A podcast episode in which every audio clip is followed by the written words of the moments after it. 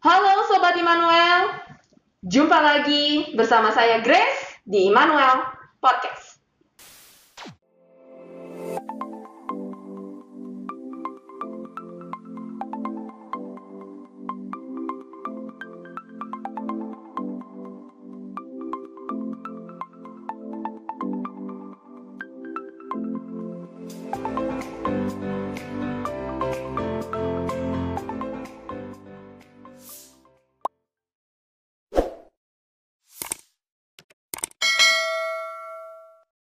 Salam sehat, salam sejahtera. Semoga kita semua dalam keadaan sehat dan luar biasa. Saat ini saya kembali kedatangan narasumber yang luar biasa, seorang dokter rumah sakit Immanuel pastinya, dokter spesialis anestesi. Tapi dia bukan hanya seorang dokter, tapi juga seorang barista, jago banget bikin kopi dan enak. Dia juga eh, seorang fotografer profesional kami ber, eh, beberapa kali ada acara event bersama menggalang dana. Beliau pernah masuk muri juga dalam keanggotaannya di PFIM. Kenalkan, Dr. Yohanes Rudianto SPAN, KIC ya dok? KMN. KMN, sorry, KMN. Iya, konsultan siang, Dr. Grace. eh, konsultan manajemen nyeri ya dok ya. Eh, oleh karena KMN-nya, eh, karena itu kita akan eh, bincang-bincang ngobrolin soal pain atau nyeri. Dok, Baik, baik. apa sih eh, yang disebut dengan nyeri itu? Atau pain itu apa sih dok? Oke, yang namanya nyeri itu definisinya ada eh, internasional definisi. Wus. Jadi itu adalah pengalaman sensoris Iya. dan emosional yang tidak menyenangkan. Ya, Itu harus ada komponen tidak menyenangkannya. Kemudian yang berhubungan dengan eh, potensi kerusakan jaringan, iya. kerusakan jaringan maupun digambarkan seperti ada kerusakan jaringan. Tiga, tiga hal itu. Jadi ada kerusakan jaringan, ada gambaran seperti kerusakan jaringan dan Potensi kerusakan jaringan. potensi juga Hmm. kerusakan jaringan. Contoh yang potensi itu kalau misalnya pernah nggak tangan jarinya diikat kemudian sampai da- aliran darahnya kurang Oh lancar. iya, langsung jadi kayak Nah, kan gitu. sakit Iya, kan. Itu sakit. kan jaringannya belum rusak tapi sakit gitu. Oh, itu namanya potensi. Iya, baru bakal potensi, bakal. gitu. Kalau kerusakan jaringan kita semua tahu kalau jatuh, lecet, ya kemudian luka Atau patah kulitnya gitu, seperti nah, itu patah, itu kan nyeri karena ada kerusakan jaringan. Oh, gitu. Yang ketiga tadi yang eh, digambarkan seperti kerusakan jaringan, Iya. nggak ada apa-apa, tapi disebut chronic pain, disebut eh, nyeri kronis karena tidak ada kerusakan jaringan lagi, tapi Tapi nyerinya masih nyeri terus. tertinggal, Betul. rasanya masih ada, kayak betul. patah hati ya dok ya, mungkin ya. Mm-mm. Mengapa dok bisa terjadi eh, nyeri itu? Eh, nyeri itu ya tadi, terutama tiga hal itu yang menyebabkan apa eh, apa eh, kondisi yang digambarkan sebagai Iya, nyeri itu iya, iya. tiga itu tadi. Oh, Kalau cerita mengenai patofisiologinya dan seterusnya, saya malah kira jadi panjang ya nanti panjang kalau kita nanti. kuliah kedokteran ya dok ya. Apakah ada ada eh, itu penyebabnya dok ya tadi? Apakah ada beda-beda gitu dok eh, je- eh, nyeri itu? Ada beberapa klasifikasi sih. Tadi dokter bilang hmm. kronik sih tadi. Iya. Makanya saya jadi pengen nanya dok, apakah Iya. ada jenis-jenis nyeri gitu dok? Ya biasanya bisa dibagi antara akut dan kronis. Iya, Itu dari sisi temporal. iya. Eh, akut itu artinya ya memang ada kerusakan jaringan tadi Hmm. atau potensi kerusakan jaringan. Kalau yang kronis tadi yang sudah tidak ada kerusakan jaringan tapi si syarafnya sendiri itu katakanlah dia ada kondisi tertentu sehingga dia menembakkan impuls nyeri padahal sudah tidak ada kerusakan jaringan tapi si syarafnya sendiri. Kita sering sebut bahwa kelainannya neuropathic pain. Jadi nyerinya karena Iya. nyeri neuropatik, syarafnya sendiri yang problem. Oh, Jaringannya gitu. sendiri sudah ada kerusakan Udah nggak ada kerusakan tapi masih bisa Nyeri. Nyeri. Jadi jadi nyeri itu ada akut, ada kronis. Ya.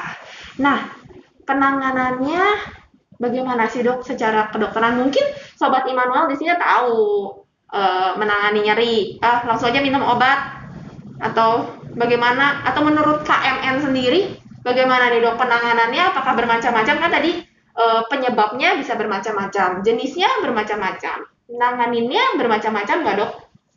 Sebetulnya eh, penanganan nyeri itu cukup mudah, yang akut terutama Iya. itu cukup mudah. Jenis-jenis untuk obat-obat untuk nyeri jenisnya tidak terlalu banyak, kadang-kadang Oh, begitu. Iya. Ya kalau uh, kita biasanya kita tahu ada golongan uh, seperti parastamol, iya. golongan uh, anti inflamasi non steroid, iya. ada opioid seperti golongan-golongan petidin, fentanyl, morfin kayak gitu, gitu ya, atau yang semi uh, opioid ringan seperti tramadol. Iya. Jenisnya tidak terlalu banyak. Hmm. Dan biasanya lebih mudah kalau akut. Yang problem itu yang nyeri kronis. Hmm. Nah, nyeri kronis ini biasanya tidak bisa hanya dengan obat, tetapi kadang-kadang harus dengan bermacam-macam apa eh, cara yang lain. Maksudnya seperti seperti misalnya harus uh, tambahan fisioterapi, oh. kemudian ada tambahan tindakan-tindakan uh, tertentu, misalnya hmm. harus pakai epidural. Hmm. Kalau nyeri cancer yang sudah kronis lama dan berat itu kadang-kadang harus disertai dengan pemasangan epidural atau tindakan-tindakan yang lebih spesialistik. Atau yang baru-baru ini uh, banyak berkembang itu namanya interventional pain management. Oh, Jadi bukan hanya pain obat, tapi diintervensi. Oh. Di intervensi kita harus melakukan tindakan invasif. Oh gitu, Betul. ada tindakan. Jadi tadi menangani nyeri itu berarti ada, ada obat-obatannya. Sepertinya obat-obatannya uh, ada yang dimakan ya dok ya. Yeah. Mungkin ada yang disuntikan juga. Betul. Disuntikan juga ada yang langsung ke pembuluh darah. Ada yang tadi dokter juga bilang ada yang epidural, epidural. maksudnya dok di sini ya dok ya epidural di, rongga tulang belakang rongga tulang belakang tadi juga ada yang secara intervensi tadi Tuh. interventional pain management nah yang lebih invasif lagi ya dok ya nah yeah. itu tuh gimana dok invasifnya itu uh, seperti apa gimana dok bisa dokter gambarkan nggak dok yang sering uh, kita tangani terutama di manual juga ini kita sudah tanganin selama mungkin sudah lima tahun belakangan ini yeah. kita bisa melakukan seperti uh, penanganan untuk syaraf kejepit Iya dok. Yang disebut HNP misalnya ya, hmm. herniasi nukleus pulposus dari uh, bantalan sendi di tulang punggung kita itu uh, menonjol keluar sehingga menjepit syaraf. Nah itu sebelum diarahkan ke arah tindakan pembedahan, iya. itu biasanya bisa dicoba dengan tindakan yang disebut interventional pain management tersebut. Jadi iya. syaraf kejepit satu. Kedua uh, nyeri cancer misalnya, nyeri iya. cancer uh, area tertentu kita bisa lakukan uh, syaraf yang ya. mempersyarafi area tersebut, ya. kita ablasi. Ablasi itu dirusak sebetulnya, hmm. tapi hanya saraf sensoris.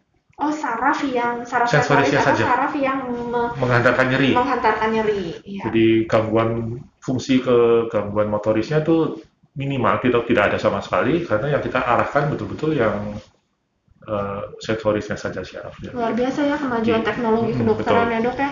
Nah, Eh, tindakan-tindakan tersebut tuh dilakukan di mana dok? Apakah bisa hanya sekedar di poliklinik atau ruang operasi atau ruangan apa dok? Kalau untuk uh, interventional pain management kita harus memerlukan alat bantu untuk visualisasi sebenarnya visualisasi area yang mau disuntik. Oh, kita harus betul-betul akurat sampai sampai ke syaraf yang kita tuju gitu yeah. ya. Jadi biasanya itu dilakukannya uh, dengan imaging bantuan seperti USG. Iya. Yeah. Uh, yang sering lebih sering kita lakukan yaitu dengan cara fluoroskopi. Hmm, fluoroskopi, itu menggunakan uh, prinsip X-ray sebetulnya. Yeah.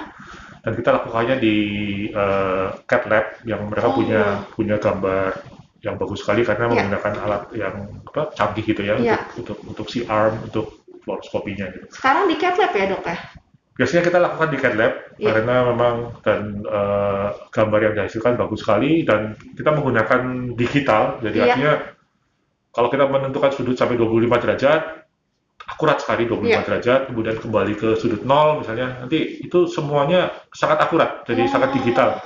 Kalau sebelumnya kita lakukan di yeah. katakanlah di kamar operasi, yeah. itu tidak bisa terlalu akurat dibandingkan kalau oh. dilakukan di CAT Soalnya perlu diketahui Sobat Immanuel, ibu saya sendiri adalah pasien dokter Yohanes dan sekarang udah jauh better dokter Ya, untuk, puji Tuhan, ya, puji Tuhan ya, hmm, makanya. Jadi saking Memang bebasnya Ria sekarang jadi biasanya, ya. gemuk karena enak makan, enak tidur sekarang. biasanya dari ya. Uh, kadang-kadang dari mulut ke mulut sih. Jadi iya, kalau iya. yang sudah pernah mengalami dan hasilnya cukup bagus, dia bisa merekomendasikan. Karena memang iya. terus terang belum terlalu banyak yang tahu masyarakat mengenai iya. bahwa ada beberapa pilihan untuk tambahan untuk tindakan pain management. Hmm, iya iya iya. Atau tadi yang saraf kejepit itu uh, awam suka bilangnya apa uh, low back pain ya dok ya? Low back pain itu salah satu manifestasi dari ya uh, yang secara general secara umum bilangnya sakit pinggang, padahal jenisnya bisa macam-macam dan Oh. penyebabnya bisa macam-macam. Apakah di sendinya, atau di bantalan sendinya, atau dari syaraf yang keluar dari apa eh, ruas sendi itu yang terjepit tadi, Iya. ada bermacam-macam. Oh, itu salah satunya Hmm. gitu. Dok, jadi tadi berarti kit- eh, saya baru tahu ini. Tadinya saya tahunya tindakan itu hanya di ruang operasi, karena kan ibu saya juga di sana ya dok ya dilakukan tindakan. Ternyata malahan sekarang dengan cat lab manual yang lebih eh, alat yang lebih canggih ya dok ya, jadi bisa dilakukan juga di eh, ruang cat lab. Jadi bukan hanya untuk jantung ya dok ya, untuk eh, pasang ring jantung saja ya dok ya, tapi bisa untuk eh, tindakan invasif atau intervensional pain management Betul. ini. Ya. Dok, gejalanya apa sih dok? Yang tadi eh, selain low back pain sebenarnya, hmm, Eh, untuk nyeri kronis sendiri itu tadi memang dokter bilang macam-macam. macam-macam Hmm, ya. hmm, Selain memang yang kelompok besar yang nyeri Mm-mm. kronis karena cancer, Mm-mm. kalau jadi karena cancer itu memang eh, biasanya lebih apa ditanganinya harus dalam jangka panjang karena penyebabnya sendiri kadang-kadang kita tidak bisa atasi ya. Iya. Eh, kalau untuk nyeri kronis yang karena low back pain itu lebih spesifik biasanya penyebabnya tuh karena sendi sebetulnya sendi Hmm. antara tulang belakang itu yang paling sering kejadian. Sendi di Di tulang tulang belakang. belakang. Jadi setiap ruas tulang belakang kita tuh eh, antara yang satu dan yang lain tuh punya sendi kanan dan kiri disebut sendi facet Iya. facet joint. Oh, facet Nah, itu yang di antara semua kelainan tulang belakang itu sering sekali terjadi di situ. Selain itu juga eh, kalau di sakroiliak, sakroiliak Iya. itu antara tulang ekor dan tulang ilium Iya. itu juga sering kejadian di situ. ya Ya, dok ya. Iya, itu iya. sering sering kejadian nyeri juga di situ. Oh, Kalau eh, untuk facet joint sendiri eh, gejalanya biasanya terlokalisir hanya di pinggang, oh hanya di pinggang. di pinggang saja. Iya. Nah, kalau kalau dia sudah menjalar sampai ke paha, paha, misalnya, betis, ah, kaki itu iya. itu disebut nyeri radikuler. Itu biasanya sudah ada syaraf yang kejepit. Oh, Kalau syarafnya tandanya. tidak kejepit, syaraf yang eh, yang keluar dari apa antara tulang belakang itu tidak terjepit, biasanya tidak menjalar, hanya ada di Oh. lokasi pinggang. Jadi hati-hati ya pada nyeri pinggang. Nggak semua nyeri pinggang itu karena ginjal. Kalau orang awam kalau misalnya nyeri pinggang langsung dokter ginjal saya nggak apa-apa. Gitu. Jadi ternyata bisa juga karena tadi ada ada kelainan, ada apa tanda awal dari saraf kejepit ya dok ya. Bisa salah satunya. Iya, ya daerah tulang belakang yang terganggu ya dok ya. Nah, eh, prosedurnya bagaimana nih dok di cat lab sendiri? Apakah oh sebelumnya, apakah hanya yang tulang belakang dok yang di cat lab atau tadi kanker juga bisa dengan intervensional seperti itu di cat lab? Ada beberapa jenis eh, eh, apa dari cancer yang bisa ditangani dengan cara tadi ablasi di jadi syarafnya katakanlah di, dima- dimatikan gitu ya yang Iya, untuk nyerinya. iya. Biasanya tuh eh, yang daerah bawah seperti cancer leher rahim. Cancer eh, rektum kalau Iya. kita tahu atau kolon yang bagian bawah, Iya. kemudian seperti prostat dan seterusnya itu itu jenis-jenis yang bisa dilakukan ablasi Oh, iya. karena dia levelnya sangat rendah sehingga tidak mengganggu Saraf fungsi motorik ya Oh. syaraf utamanya. Iya. Itu itu yang terutama untuk yang untuk nyeri cancer itu dilakukannya juga di di cat lab karena Iya, kita saya perlukan yang imaging yang akurat tadi. Iya. Gambarannya betul-betul harus akurat sekali, tepat sekali karena kita bayangkan syaraf kita tuh kecil Iya. sekali, Iya, hanya kurang iya. dari satu mili. Jarum kita juga hanya 0, sekian mili. Iya. Nah, itu harus bertemu dengan dekat gitu. Dengan Jadi, si sarafnya ya. Iya, dengan syarafnya. Jadi kita memerlukan gambar yang sangat akurat. Dan kedua, saya ada alat yang namanya radiofrekuensi. Itu semacam stimulator untuk Iya. syaraf. Setelah jarumnya dekat dengan syarafnya, kita berikan rangsang listrik sedikit Iya. untuk mereproduksi nyeri yang biasa dilakukan. Oh. Itu harus ada reproduksi nyeri. Iya, Supaya iya. kita yakin persis bahwa jarum Itu kita ada lokasinya berdekat sekali tepat. dengan, dengan syaraf yang kita tuju. Dan Iya. itu yang perlu waktu uh, lebih- ya, ya, harus harus cukup waktu untuk mencari Berapa mencari. prosedurnya biasanya? Ya dengan dengan alat yang semakin canggih yang saya lakukan di cat lab, Iya. biasanya satu syaraf itu semakin pendek waktu yang Iya. yang diperlukan. Biasanya dulunya sekitar barangkali 15-20 menit. Iya. Kalau sekarang dengan gambar yang lebih akurat, dengan posisi yang lebih akurat, bisa antara 10 menit selesai sampai ketemu syarafnya dan selesai gitu. Oh sebentar ya, hanya, Hanya satu 10 syaraf, tapi persiapan persiapannya kan Sobat cukup lama. Oh persiapannya lama, padahal sebenarnya tindakannya hanya 10 menit ya dok ya? Iya, 10-15 menit kadang-kadang Oh. untuk satu syaraf. Oke, iya dokter. Nah, apakah pasiennya harus puasa atau rawat inap dulu atau gimana dok? Eh, untuk tindakan-tindakan seperti ini tidak ya. Iya. Eh, jadi pasiennya rawat jalan bisa Iya. atau bisa diopname juga kalau memang nyerinya tinggi sekali, Iya. khawatir malamnya tuh masih kesakitan, Iya. itu bisa opname juga. Tapi eh, prinsip sih tidak perlu harus puasa seperti operasi karena pasiennya juga tidak dibius total. Oh jadi masih eh, sadar, Sadar, ya? sadar ya. Karena harus dia harus memberikan feedback bahwa Iya. oh dengan posisi yang tepat alat saya bisa mereproduksi nyeri yang biasa dirasakan. Jadi biusnya- Artinya itu feedback itu perlu. Oh. Makanya jadi hanya lokal anestesi. biasanya biasanya. lokal anestesi. Jadi Nah, bisa pulang, biasanya bisa Dokter pulang. Yohanes, kalau Sobat Immanuel mau tanya-tanya lebih jauh, jauh lagi gimana nih dok? Ke poli Dokter Yohanes ini kapan aja di Rumah Sakit Immanuel? Saya dokter tetap di Rumah Sakit Immanuel dan memang dari Senin sampai Sabtu atau eh, Jumat dan Sabtu dengan perjanjian Iya. itu bisa datang ke poli di Pain Clinic lantai 3. Pain Clinic lantai 3, Senin sampai Sabtu ya dok ya? Iya, Dengan perjanjian. terutama kalau Sabtu dalam perjanjian, tapi Senin sampai Jumat saya selalu ada di rumah sakit. Oke, Senin sampai Kalau Jumat memang Sabtu dengan perjanjian. eh, apa eh, ada pasien biasanya apakah pasiennya bisa dilakukan juga pemeriksaan di poliklinik atau kalau terpaksa sekali kita bisa lakukan di ruang konsultasi kapal operasi misalnya. Oke. Jamnya dok? Jamnya fleksibel sampai kira-kira jam 2 jam 3 masih. Jadi jam 8 sampai jam 2 ya dok ya? Hmm. Senin sampai Jumat atau Sabtu dengan perjanjian. Iya. Oke, thank you Dokter Yohanes. Luar biasa diskusinya dan luar biasa eh, pemaparannya jelas sekali. Eh, banyak menambah info buat saya juga. Oke, Sobat Immanuel, demikian podcast hari ini. Kita kembali lagi di episode yang lain di Immanuel Podcast. Thank you dok.